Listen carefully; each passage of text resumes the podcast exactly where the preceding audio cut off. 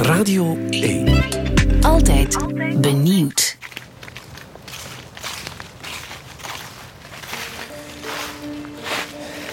Kijk, ja, uh, hier ligt hij, zie je, Guido. Mijn man. Ja.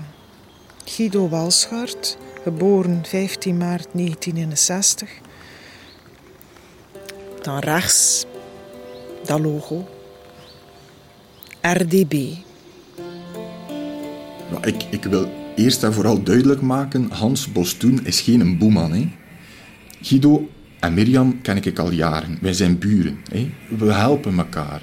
Dus toen dat Guido naar mij kwam met de vraag van... Uh, uh, wilde jij dat doen, Hans? Heb ik eigenlijk meteen ja gezegd. Ja, in het begin was, was, was dat allemaal heel normaal. Die mes begon, uh, dat, was een, ja, zoals zakenmis, een openingswoord. Uh, de eerste lezing van de Corinthiërs dan. Dat was de, de roos van An Christi. Allee. Maar dan komt de familie van voor daar om daar rijen teksten voor te lezen. En dat was, stond er echt totaal in de reclamefolder.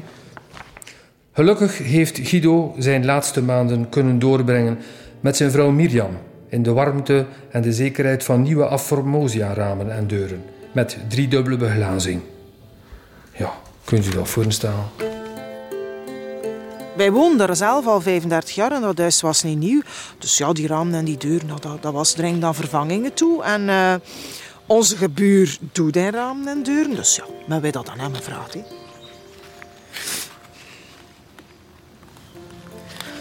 En dan, ja, tijdens die werken uh, is hij bij Guido kanker vastgesteld. Was niets meer aan te doen. Het zat overal.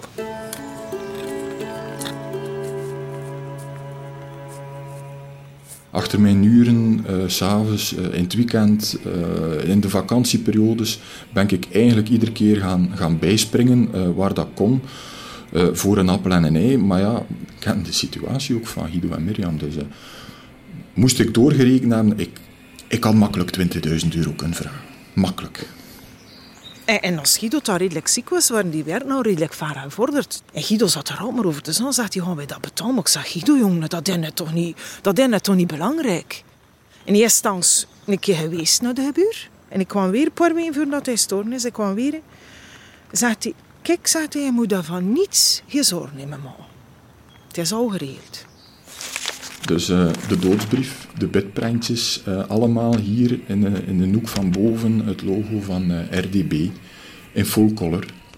Ja, je moet rekenen, als je 800 flyers laat ronddelen in, in een bus, de mensen halen dat uit een brievenbus en dat gaat rechtstreeks de papierbak in. Ze kijken daar eigenlijk met moeite naar. Maar zo'n bitprintje niet. De mensen bekijken dat, dat krijgt aandacht. Dus dat zijn zeker 800 mensen die uw logo effectief zien en, en daar even uh, bij stilstaan. Dat is aandacht verzekerd. Overal waar we keken op die linten, die, op die kransen, op die bloemen, overal stond, stond dat logo daar van RDB. En zelfs op de kist. Die, die mensen hadden een koor ingehuurd, ja, die, die brachten gewoon liedjes, uh, daar was niks mis mee. Maar ja, ook daar, die, die een RDB altijd maar. Hè. Een vijfstemmig koor die dat dus uh, zeer ingetogen, heel stijlvol bracht. Uh, een keer of vijf, denk ik, tijdens de mis. Uh, met de offerande, met de communie. voordat de mis begon, toen dat de, de, de priester eigenlijk nog niet bezig was. En mooi, stijlvol, heel mooi, in, in vijf stemmen. Schoenen, benieuwd. Dat trok tot niets. En nu ook gezet om jou dat volk daar kent. Maar ja, dat is gebeurd. Ja, moet ik mijn inderdaad gezorgd met me Ik denk, op het einde van de rit heb ik dat waarschijnlijk met een broek aangescheurd. Maar ja, ik heb dat gewoon gedaan om, om Mirjam en Guido te helpen.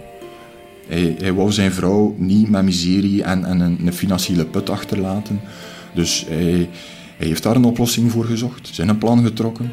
En het is het schoonste wat ik nog voor zijn familie kon doen. Deze reportage werd mogelijk gemaakt door Ramen en Deuren Bostoen. Uw partner in kozijnen. www.rdb.be Radio 1. Altijd. Benieuwd.